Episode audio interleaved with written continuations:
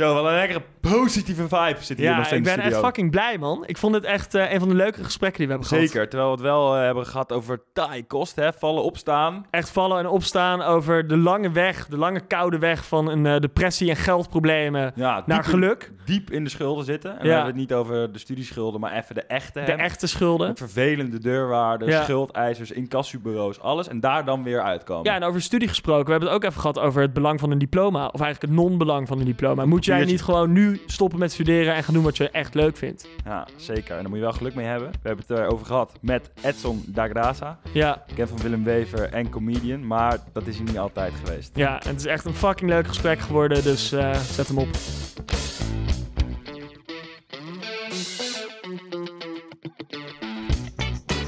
Zo, Edson. Hoe is het ermee? Jij dacht dat je eh, met een hele mooie dame hier aan tafel zou zitten. Klopt, ja. Ik dacht, eh, ik, ben- ik, ik was ook benaderd voor de Hoeveel Ben ik Waard eh, podcast. Dus ik denk, ik ga met een mooie dame. Ik heb, ik heb een pak, een smoking aan, dat zie je nu niet. Maar, maar eh, nu zit ik hier met jullie, man. Ja, je ziet er heel fris uit. Mensen vragen wel eens aan, eh aan Giet en aan mij van... hoe komt het toch dat jullie steeds ook goede gasten fixen? Ja, Want jullie kennen zelf toch helemaal niemand. jullie zijn toch helemaal niemand. Ja, wij hebben een hele goede producer, Koos. En die, eh, die lokt gewoon mensen hier onder valse Precies. voorwendselen heen. dus we zitten hier nu met Edson. Eh, en we gaan met Edson eh, ook een beetje praten over zijn jongere jaren. Ja. Zeker, want we kennen jou van Willem Wever. Ja. Nu als eh, comedian. kennen jullie mij van Willem Ja, Wever? nou, ik, Jullie zijn niet de doelgroep, hè? Ja, eh, kijkt nog steeds trouw. Ja, ik kijk eh, drie kinderprogramma's. Jeugdjournaal, Sinterklaasjournaal en Willem Wever check ik af en toe ook nog wel. Ja, ik- Nice. Ik Niet vind het dat klokhuis? Ik vind Nee, klokhuis toch wel classic, man. Ja, zelfs straatje inderdaad. Hè? Ja. Nee, maar dat, Mhm. dat zijn eigenlijk wel de drie. Maar ehm, nou, daar ben jij niet zonder slag of stoot eh, gekomen nu. Zeker nu niet. doet. Nee, nee, nee. Maar wel Nee. brave, heel even, wel brave programma's schiet, vind ik. Want ik vind, eh, ik mocht van mijn ouders nooit commerciële televisie kijken totdat Oh, ik wauw, 12 ja. was of zo. We hadden gewoon de hele zenderpakket NPO niet. gewoon. Alles was gewoon NPO. Had jij dat ook? Ik mocht geen Pokémon checken. Geen, ja, nee. Of al die Jetix en Nickelodeon en al die shit. Ja, Tering, hier hebben we echt Ja, gemist, man. ja het is een kutje, kutje echt gehad. Verklaart een hoop ook. Heel braaf. Maar goed, eh, jij eh, bent nu dus inderdaad presentator van Willem Wever. Mhm. Maar daarvoor deed je iets heel anders. Klopt. Heel veel met muziek bezig geweest. Ja. Vertel Ja. eens, hoe is dat? dan? Eh, eh, veel muziek gemaakt. Ik, eh, toen ik van de HAVO afkwam, eh, ging ik HBO doen. Eh, maar dat ging ik niet echt doen. Want toen zat ik al in een studio, grote studio in Amsterdam, Cruise Control. Daar kwamen eigenlijk alle grote der aarde. Eh, Treintje Oosterhuis. nee, maar kwamen ook zeg maar, mensen uit Amerika kwamen daar. En daar zat ik zeg maar, onder de vleugels van eh, iemand die daar, eh, die daar dan al langer werkte. En eh, toen, eh, en, en dat viel eigenlijk samen met, met schoolgang naar HBO. Dus ik zou gaan studeren, dacht ik. Maar ik vond muziek zo leuk dat ik dacht van, weet je wat, fuck dat hele studeren. Ik ga gewoon eh, dag in dag uit in de studio werken. En I'm gonna make it. En dat heb ik gedaan. Dat, nou ja, dat was een moeilijke, eigenlijk best wel een moeilijke keuze. Omdat, ik- voor mij niet, maar omdat ik, ik had natuurlijk ook druk vanuit mijn ouders. Die dachten van, hey, wow, weet je. Je gaat kappen met je studie. Wat Je ga je nu met je leven Wat de fuck ga je doen? Ja. En wat ga je precies doen? Oh, muziek maken. Ben je gek? Weet je? Ja. Het is dat ik 18 was dat ze me geen pak slaag meer konden geven. Maar als ze het had gekund, hadden ze dat gedaan. Maar, Voelde, dat, voelde dat voor jou als een risico om vol op, je, op die muziek te storten? Nou, je denkt er wel over na. Want je hoort vanuit de maatschappij ook altijd... Het is goed om een papiertje te hebben. Je moet een papiertje hebben. Papiertje, papiertje, papiertje. Dan kan je ergens op terugvallen. Maar eh, die passie was, voor muziek was zo groot... dat ik dacht van, fuck dat papiertje. Ik ga gewoon... Je, je gaat me wel zien. Ik kom er wel, weet je. Oh, ja, ik, sorry. Ik tik op de tafel. Eh, dankjewel, Guido. Guido probeert heel subtiel te zeggen van... Niet tikken op de tafel. nee, maar ik, ik was zo... eh, ik geloofde zo in dat, dat we het zouden gaan maken... Dat ik dacht, eh, nee man, ik ga eh, laten HBO gewoon schieten. En we gaan gewoon eh, vol eh, 100% op die muziek. Maar dat komt misschien ook omdat gewoon je maten vanuit Amsterdam-Noord ook allemaal niet diezelfde HBO aan het doen waren. Ja, nou En- ja, ik kom, ik kom inderdaad van plekken Amsterdam-Noord, Vogelbuurt en daarna opgegroeid in de Bijlmer. Studeren was niet echt iets wat je heel vaak hoorde. Je hoorde niet van, weet je, ja, je gaat daarna studeren. Na, na de middelbare gaat, gaat het gros van de mensen gaat gewoon werken. Of als ze gingen studeren, hoorde je daar geen eh, stories over. Het was niet iets om eh, te zeggen van, oh, ik studeer. Dan werd het, oh, nerd, weet Ja. je. Dus, eh, Hoe kwam het dat maar- jij dat wel ging doen dan? nou was ja, jij ambitieus omdat- op, op school? Was je daar veel mee bezig? Kwam het vanuit je ouders? Of, eh, Nee, mijn ouders waren gewoon van, je gaat gewoon naar school. Je, je gaat gewoon... School was bij ons in de familie gewoon wel... Vanuit je Dat familie wel, ding. maar vanuit de omgeving dus veel minder. Ja, vanuit je familie wel, weet je. Kijk, eh, als je dat kan doen, dan ga je het doen. Maar heel veel mensen in de familie konden het ook niet eh, financieren, weet je wel. Dus eh, dat was gewoon best wel moeilijk om dat geld op te hoesten om te gaan studeren. hoe ging jij Dus, dat doen eh, dan? nou ja, het idee was natuurlijk om gewoon die studiefinanciering die je dan krijgt, Ja, toen nog wel. dat je die in je lesgeld stopt. Ja. Maar dat ging ik dus niet doen. Want ik ging gewoon met OV, we gingen een wereld voor me open. Ik kon eindelijk ver reizen gratis door de weeks. Dus wat ging ik doen? Ik ging niet naar school. Ik ging gewoon eh chickies eh, bezoeken. In Winterswijk. Nijmegen, Winterswijk. J- jullie weten wie jullie zijn. Als Ja. jullie luisteren, jullie weten wie jullie luisteren zijn. ze nog steeds inderdaad. Dat zie je uit Winterswijk. Ja. Ja, maar ik wil nog heel even... eh, Oké, we, we hebben het even over die keuze van je, je stopt met die studie. Ja. Om je vol te richten op dat muzikale avontuur. Mhm. Vind ik best wel bewonderingswaardig. Want je, je neemt toch een bepaald risico. Ja. Hoe ver waren jullie toen met die muziek? En misschien ook nog iets meer qua achtergrond. Wanneer begon dat? Hoe ver hadden jullie dat al uitgebouwd in die eerste paar jaar tijdens je, tijdens school? Eh, nou, we, we, waren, we waren zeg maar een hele grote studio in Amsterdam, Cruise Control. Dus die, die had gezegd van, hey, jullie zijn goed. We willen jullie in onze stal hebben. Jullie mogen hier werken. En dan moet je je nagaan. En wij werkten met mensen die het wel echt hadden gemaakt, weet je, toen. eh, nou, ik zeg, ik noem gekscherend Treintje Oosterhuis. Maar dat was toen wel echt een big deal, weet je. Toto Touch kwam daar. Dignity kwam daar. Eh, dat is eh, echt al- allemaal oude meuk, hoor. Maar ook... wel bijvoorbeeld- lekker. Ja, precies. Ook eh, Pharrell Williams, als hij uit, vanuit Amerika Ja. hier naartoe kwam. De Neptunes, die kwamen toen ook in die studio. Ik heb D12 daar gezien, Eminem daar gezien. eh, Dame Dash hebben we daar gezien, de manager van Jay-Z. Dus, Hoe waren jullie opgevallen dan? Dat jullie überhaupt daar... eh, nou, we waren heel brutaal. We waren met z'n zes of, ja, toen zelfs nog met z'n zevenen. We maakten beats en... en we waren gewoon heel brutaal, altijd heel brutaal. Dus we gingen gewoon naar de studio aankloppen. We wisten van, daar komen alle, zeg maar, de urban scene van Nederland, Ja. die zit daar. Zeg maar, de, de crème de la crème. En, eh, Zoals iemand dat zou noemen. ja, precies. eh, de urban scene, crème de la crème. Wauw. Maar, maar eh, wij gingen gewoon daar naartoe met een demo. We lieten beats horen en we hadden tering veel beats, want we waren met z'n zes of zevenen. Dus we gingen maar door. Bam, bam, beuken, beuken. En die gast dacht, what the fuck? Ze hebben gewoon een, eh, eh, een portfolio van iets van 700 beats. Dat is niet normaal. Neem eens even mee door dat eerste jaar. Hoe, hoe, ging je daar, eh, hoe ging je daarin? Heb je ook wel eens een nacht wakker gelegen dat je dacht van... Nou, dat gaat me helemaal niet worden? Ja, tuurlijk. Het was fucking skeer. Ik had geen geld, niks. Super blut. En, maar ik was wel een soort van happy eigenlijk, weet je. Want ik had geen geld, maar ik deed wel wat ik leuk vond. En dat was voor mij toen blijkbaar belangrijker dan geld hebben. Dus eh, dat eerste jaar was, het nog, was, was gewoon lastig, want je bent aan het opstarten. Je, je denkt van, oh, we gaan nu gaan we het maken, dus ik heb nu meteen geld. Maar zo Ja. werkt het gewoon niet. Je, je moet het opbouwen. Maar wanneer ging die muziekcarrière dan echt de lucht in? Of wanneer dacht je echt, oké, dit, dit- nu gaat het Ehm, echt goed? Nou, op een gegeven moment, eh, na twee jaar, tweeënhalf jaar of zo, ehm, kregen we een publishing deal. Want we gingen echt dingen uitbrengen nu. We deden dingen met Ali B, die was toen nog niet eens bekend. Maar eh, er kwamen wel releases. Releases met Lange Frans en Baas B. Eh, die waren toen ook nog niet bekend. eh, maar ze brachten wel dingen uit. En toen kregen we een publishing deal van onze uitgever. En dat was iets van, weet ik veel, toen de tijd 15.000... eh 15.000 gulden. Gulden was het volgens mij. Dat was nog best wel veel geld. En toen gingen we een eigen studio bouwen. Ja, en toen ging het, eh, toen ging het als een tierenlier. Want eh, toen Met was zevenen. ja, Ja. want eh, met, met dat geld bouwden we een eigen studio, huurden we een pand. Dus er kwam wel wat geld binnen. Dat raakten we overigens niet aan, omdat we alles wilden eh, herinvesteren. Ja. Dus ik Ja. bleef gewoon daar ook naast gewoon een beetje werken. Ah, af en aan wel. Maar eh, dat, toen, en toen ging het echt als een tierenlier. Toen eh, maakten we ook een hit. Terwijl we bezig waren met die studio, maakten we een hit met Ali B. Ik ben je zat. Nou, en toen konden we nog meer geld vragen. Die ken ik voor, nog wel. eh, ja, die ken lekker. ik nog wel. Ja. Heel slecht. Ja. zingen, Giet. Classic, Ja. jongen. That's us, man. That's us right there. dus eh, ja, toen, en toen ging het echt als een tierenlier. En we wisten ook wel, we zaten in een grote studio, maar we dachten wel van, we moeten op onze eigen benen staan. Want er is, er is te veel traffic hier. En we moeten gewoon kunnen focussen op dat wat wij doen. En in die studio waren te veel mensen. En het was eh, ook gewoon een beetje een sfeertje van... Ja, chickies hiermee naartoe brengen. Ja, Ja, even laten ja, zien. Kijk, wow, Ging meer om studio. de show, zeg maar. Ja, precies. Terwijl we hadden, we hadden ook op een gegeven moment door... Het heet, het heet geen show. Het is show business, weet je? Ja. het is niet alleen show. Of het is niet alleen music. Er komt nog iets achter. Business. Je moet ook gewoon zaken doen. Ja. En toen gingen wij dus ook eh, een eigen studio be- beginnen... die we gingen verhuren. En ook eh, waar we zelf elke dag eigenlijk gewoon konden gaan pompen. Want dat was ook bij die andere studio. Je kon niet elke dag, weet je. Want er waren ook... eh, Giorgio Tuinvoort zat er ook. Dat, dat is zeg maar de man. Die, maakte, die, die maakt nu beats voor David Guetta. Voor, voor eigenlijk... al- eigenlijk alle grote, echt grote der aarde hier, eh, eh, daar heeft hij wel iets mee gedaan.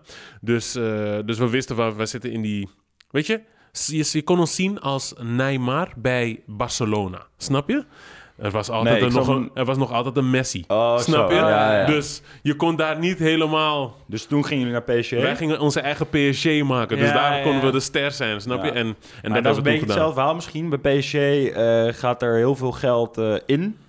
En eh, er zijn nog weinig prijzen komen eruit. Dat is mooi bruggetje. Eh, Mooi, en mooi, dat is ja. volgens mij ook een beetje het verhaal van eh, de Beat Kids. Ja. Eh, want vertel, hoe is dat eh, nou, misgelopen toch? Nou, wij, wij gingen dus, eh, toen we onze eigen studio hadden, dat eerste jaar, eerste anderhalf jaar werkten we keihard. We hadden gezegd tegen elkaar, weet je, eh poeh, nu komt er wel wat binnen. We deden films, we deden reclames, we deden van alles.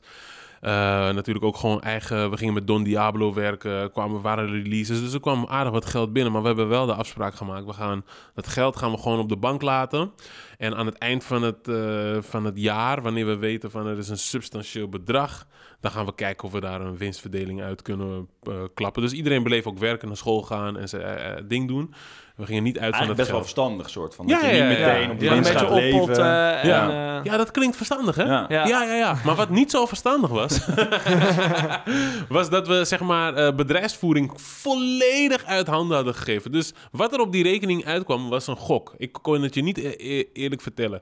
En, maar wij gokten eh, afgaande op de opdrachten die we kregen rond de 80.000 euro. Misschien tussen de 80 en de 90. Maar we wisten het niet zeker, want we checkten die rekening nooit. Want die bedrijfsvoering hadden we aan iemand... ehm, hadden we uit handen gegeven aan iemand die ons zeg maar al in die andere studio begeleidde. Dus toen we helemaal nog niks deden eigenlijk, hij begeleidde ons toen. Dus het was iemand, echt een Je had een vertrouwenspersoon. vertrouwensband met diegene. Ja, die had ons echt onder zijn vleugels genomen. Ja. En zelfs toen wij zeiden van, hé, hey, we gaan hier weg, zei hij, weet je wat, ik geloof zo in jullie, dat, dat we wat kunnen oprichten. Ik ga met jullie mee. Dat is gewoon maat geworden op een Ja. gegeven ja, moment. ja, ja, Maar jullie, dachten, broer. jullie hadden het dan, dan nooit over na een aantal optredens of zo. Dat je dacht van oké, eh, waar gaan we heen denk je aan het eind van het Nee, jaar? joh, we, waren, we waren jong en we dachten alleen aan muziek maken en chicks. Chicks en eh, clubben en that's it. Dat, Ja. dat, dat was het enige. We dachten... We dachten toen nog. het, het geld komt sowieso binnen. We wisten, we hebben opdrachten, dus aan het eind van het jaar gaan we met z'n allen lachen. Ja. Nou, dat lachen, eh, dat, dat is nooit gebeurd.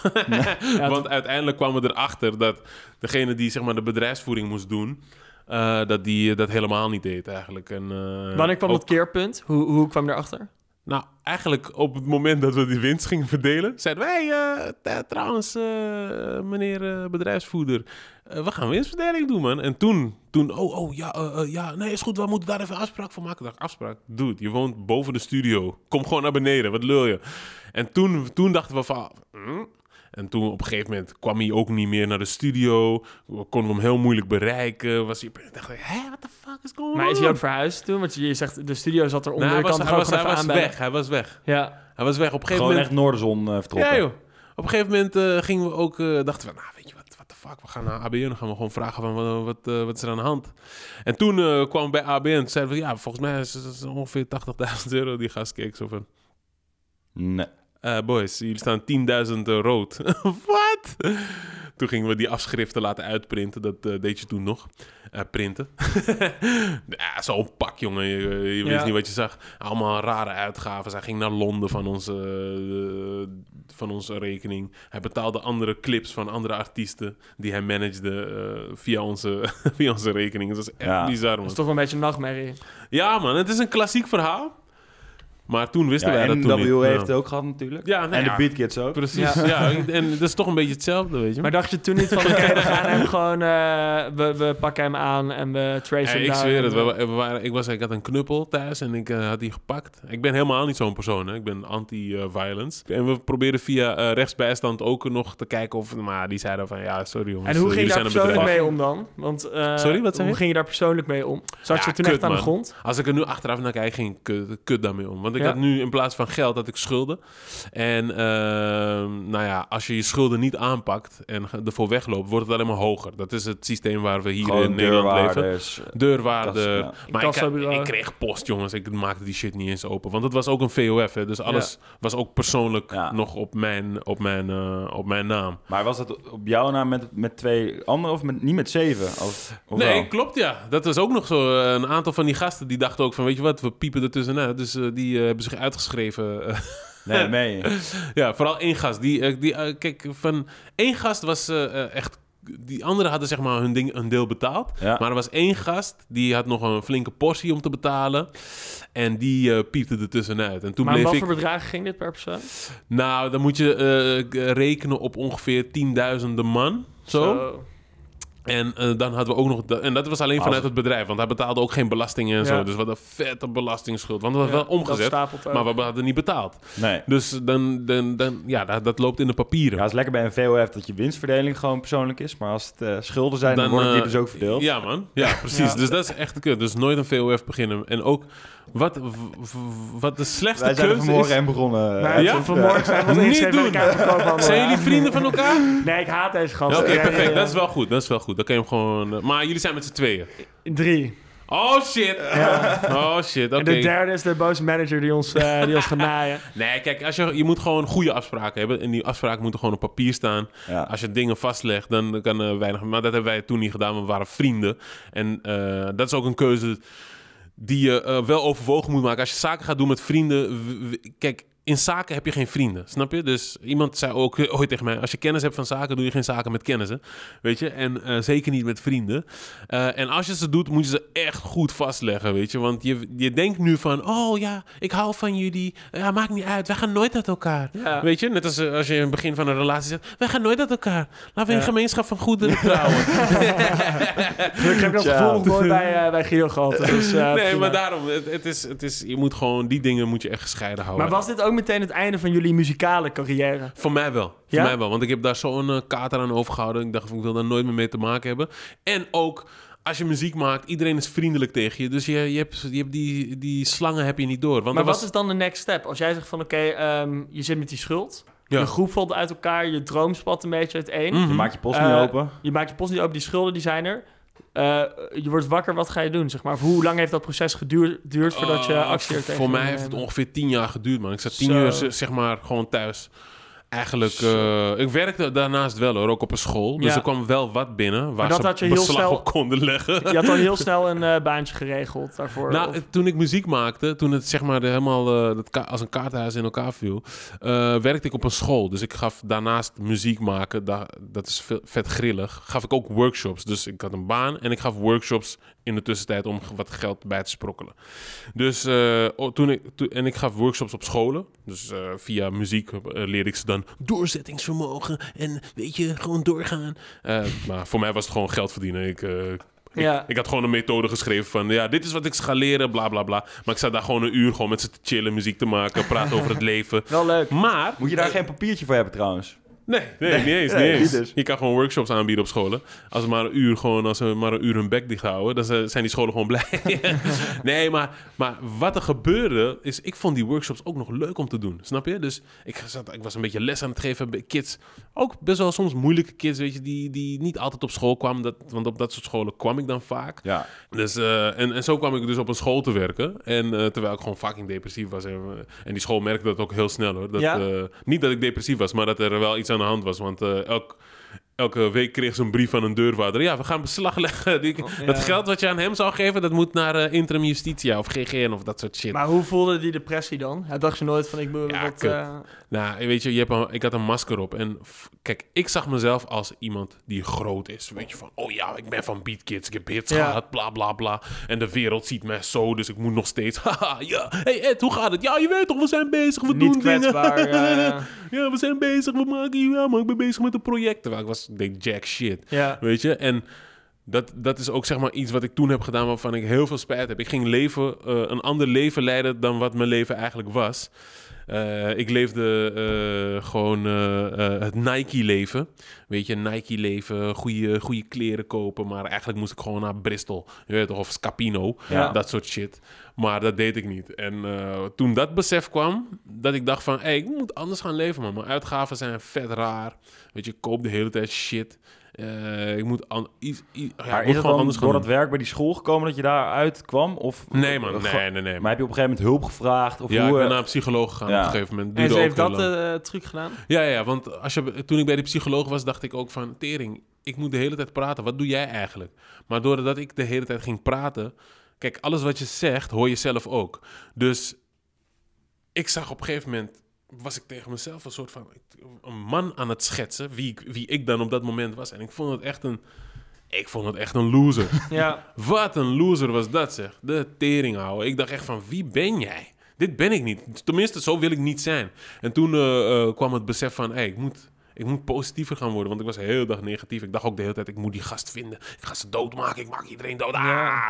Maar daardoor heb je geen ruimte om positiviteit eh, te vinden en ook geen oplossingen te zoeken, weet je. Dus, eh, dus toen, toen ik dat besef kreeg, dacht ik van, hé, hey, weet je, ik moet, ik, moet, ik moet het iets anders... Als je een deksel niet open krijgt door naar rechts te draaien, dan moet je toch een keer naar links draaien. Ja. snap Maar je? is dat dan ook Ja. een beetje die boys die je begeleiden op die mbo's? Die, zag je daar dan ook een beetje jezelf in? Of voel je een beetje verantwoordelijkheid tota- om totaal ze- niet. Totaal niet. Ik zag, ik zag helemaal niks. eh, e- eigenlijk, die, eigenlijk, wat ik daar zag, is dat, dat ik dacht van...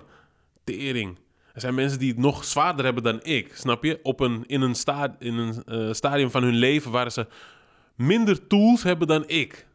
Hebben zij het nu al zo zwaar? Zit ik hier te klagen? Je weet toch? Ik kan nog opstaan. Kijk, ik zeg altijd van... Zolang je zeg maar eh, je mind hebt... dan heb je eigenlijk ook gewoon mogelijkheden. En als je je mind verliest in negativiteit of, of, of eh, eh, dingen die, er, die je niet vooruit helpen, ja, dan, dan wordt het moeilijk. Dus je kan 0 euro hebben en een goede mindset en dan heb je perspectief. Snap Ja. je? Dus en dat, is, en dat dat is is ook het belangrijk. advies dat je geeft tegen mensen die eh, op dezelfde manier aan de grond zitten. Ja. Dat je uiteindelijk, uiteindelijk zit het ook allemaal een beetje in je hoofd. ja, het zit ook in je hoofd. Als je, als je van je hoofd, als je je hoofd helder kan maken, heb je perspectief. En perspectief en hoop doet heel veel met je. Als jij denkt van, hé, hey, ik heb iets om naar uit te kijken. Het is er nu nog niet, maar wow, ik zie, ik kan het bijna aanraken. Als je dat gevoel hebt, dan ga je als een trein vooruit. En dan maak je, en eh, dat, dat zeg ik ook, weet je, van... Wat mij helpt, is nu elke dag denken aan... Ik, gewoon een doel stellen. Waar kan ik naar uitkijken? En elke dag moet ik minimaal drie dingen doen die bijdragen aan dat doel. En dan ga je merken dat als je dat elke dag doet, die drie dingen, ook al zijn het hele kleine babystapjes, dan beweeg je in ieder geval die kant op.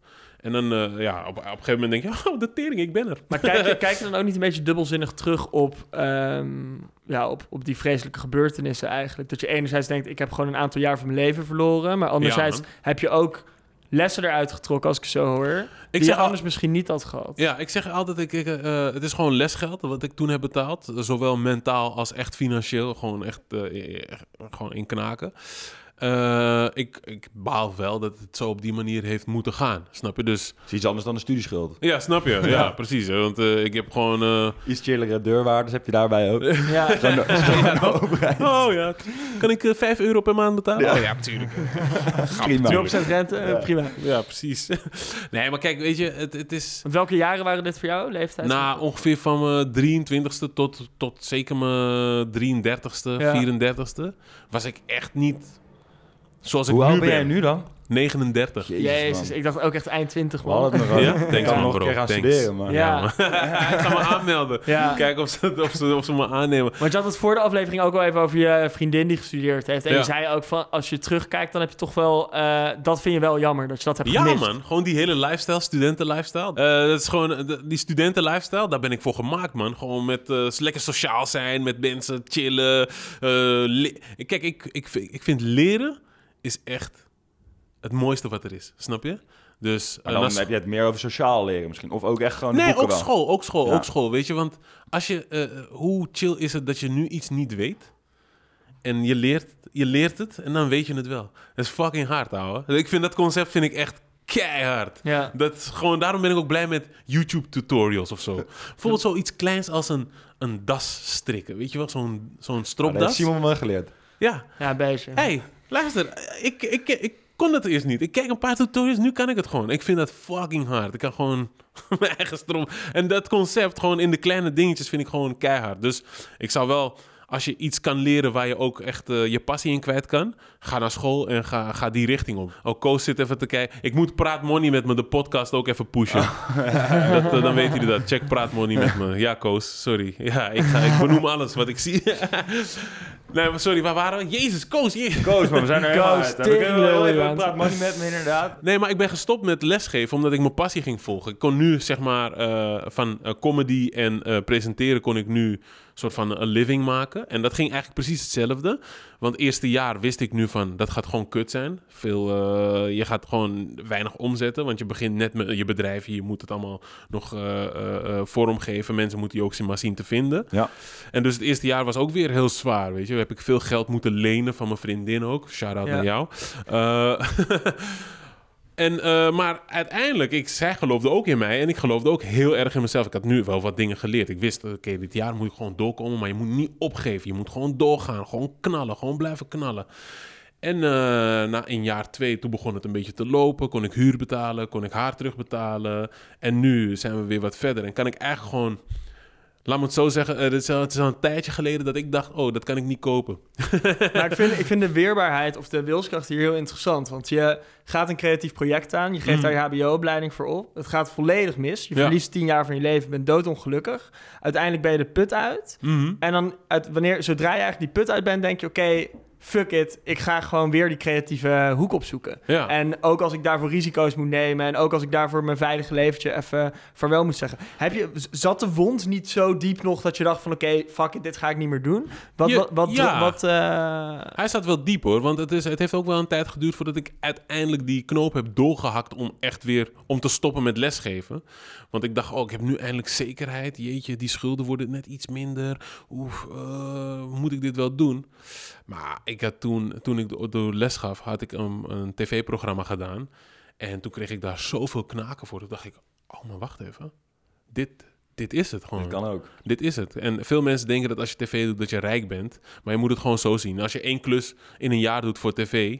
dan heb je misschien eh, wat... eh, in mijn geval, als je geen A-ster bent... ja. dan heb je misschien 10.000 euro. En dat moet je gaan uitsmeren over misschien drie, vier maanden... voordat je weer volgende klus hebt. Dus je moet heel... Eigenlijk heel veel werken, wil je, het, eh, wil je jezelf kunnen bedruipen. Kijk, mijn, een van mijn idolen is Will Smith. Hij zegt, kijk, luister, ik heb misschien niet het meeste talent van... eh, als ik in een kamer ben met andere acteurs of wat dan ook... dan moet ik altijd met zekerheid kunnen zeggen... dat ik harder werk dan hun allemaal. Snap je? En als je dat doet, kom je heel eind, hoor. Ik bedoel, je moet gewoon... eh, ehm, nou, je moet helemaal niks, maar... Je moet gewoon geloven in jezelf, ten eerste. En je moet gewoon gaan als een gek, weet je. Je kan niet... Je kan bijvoorbeeld, als ik een opdracht heb, je kan niet eh, eh, onvoorbereid gaan, bijvoorbeeld. Of denken, oh, ik heb talent, dus ik ga het daarop gooien. Nee, daarom zeg ik ook, als je een opleiding kan doen dat eh, wat, wat matcht met jouw passie, is dat heel goed. Want heel veel van die gasten hebben talent, maar zijn onbewust bekwaam. Dus ze kunnen iets, maar ze weten eigenlijk niet wat het is. Het is een zaak dat je weet wat, hoe, hoe, wat jouw krachten zijn. Jij zegt, je moet dat pinpointen, je moet erachter komen op jonge leeftijd. Wat vind je nou echt leuk? Hoe, wat voor stappen kun je daar concreet in zetten? Als jij 14, 15 bent, weet je, je vindt misschien muziek leuk, je vindt misschien sport leuk. Hoe ga je echt van eh, dat als een soort vaag begrip in je hoofd hebben naar, zoals jij met Beatkids hebt gedaan, Ja. maar daar hebben we nu ook, zijn we eigenlijk heel makkelijk overheen gestapt, Mm. hoe je dat, hoe je echt zelf muziek bent gaan maken. Nou ja, ik, weet- ik, ik, bij mij was misschien ben ik een slecht voorbeeld. Want ik wist van jongs af aan, ik, ik moet iets doen met mijn expressie. Of met mijn, mijn gevoel voor eh, performen. Of, Ja. of mensen blij maken in ieder geval. Dat, was, dat voelde ik in alles, al heel vroeg. Dus misschien ben ik een slecht voorbeeld, want ik wist het eigenlijk Ja, al heel vroeg. Maar ik denk dat eh, ehm, tegenwoordig, eh, je hebt gewoon begeleiding nodig daarbij. Mensen moeten de juiste vragen stellen. Eh, als je op school zit. Iedereen, tegenwoordig zit iedereen op gewoon leren. Het systeem is ook echt te oud, hè, het schoolsysteem. Het is, heel conservatief eigenlijk. Precies, weet je. En ik denk dat we moeten gewoon gaan bewegen naar... Het is heel moeilijk, want ik heb in het onderwijs gezeten. Dus ik weet Ja. hoe moeilijk het is om dat, om dat te faciliteren. Maar gewoon, eigenlijk zou je in elke klas verschillende leerlijnen moeten hebben. Ja, En, eh, maar dat is gewoon lastig, want iedereen Ja. moet Nederlands hebben nu. ja. Snap je? Maar eigenlijk heeft die gast iets minder Nederlands nodig en meer rekenen, omdat hij vindt cijfers gewoon fantastisch, weet je? Of, iets gewoon eh, zegt mij van, je moet meer vragen gaan stellen om erachter te komen wat, er, wat zo iemand nou drijft. Ik gun iedereen dat wat ik nu doe. Blij zijn eh, met wat je doet en daarvoor betaald krijgen. Hé hey man, weet je hoeveel tevreden mensen je zou hebben op deze wereld? Weet je, als Ja. niemand chagrijnig zou zijn als hij naar werk gaat. Dan ben je, dan denk ik dat we een heel eind komen. Vind ik een, eh, een mooie om mee te eindigen, Giet. Of we hebben Zeker, Edson. Ik denk eh, dat we alles eh, we hebben gecoverd, hè? Ja, Van jou. nou, ik had, ik had nog eh, zeker een half uur materiaal. Ja, eh, nee, nee, nee. Doe gewoon, doe gewoon deel 2 over een paar maanden. Dan lokt, lokt coach jou hier weer Ja, heen precies. onder valse voorwenselen. Dat je een van de prijs hebt gewonnen of zo. ja, dan zetten we wel lekker wijf gewoon ernaast om naar te kijken. Ja, precies. Alright, ik vind thanks, de koos eh, ook heel knap hoor. Thanks Edson. Ja, graag gedaan man. Thanks for having me. Het was, eh, het was leuk.